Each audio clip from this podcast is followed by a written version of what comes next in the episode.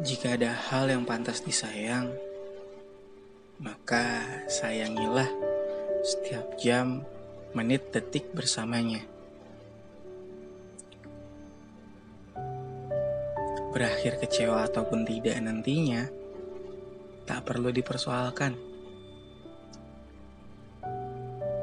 Karena pada akhirnya akan ada fase di mana kamu diam-diam merindukannya.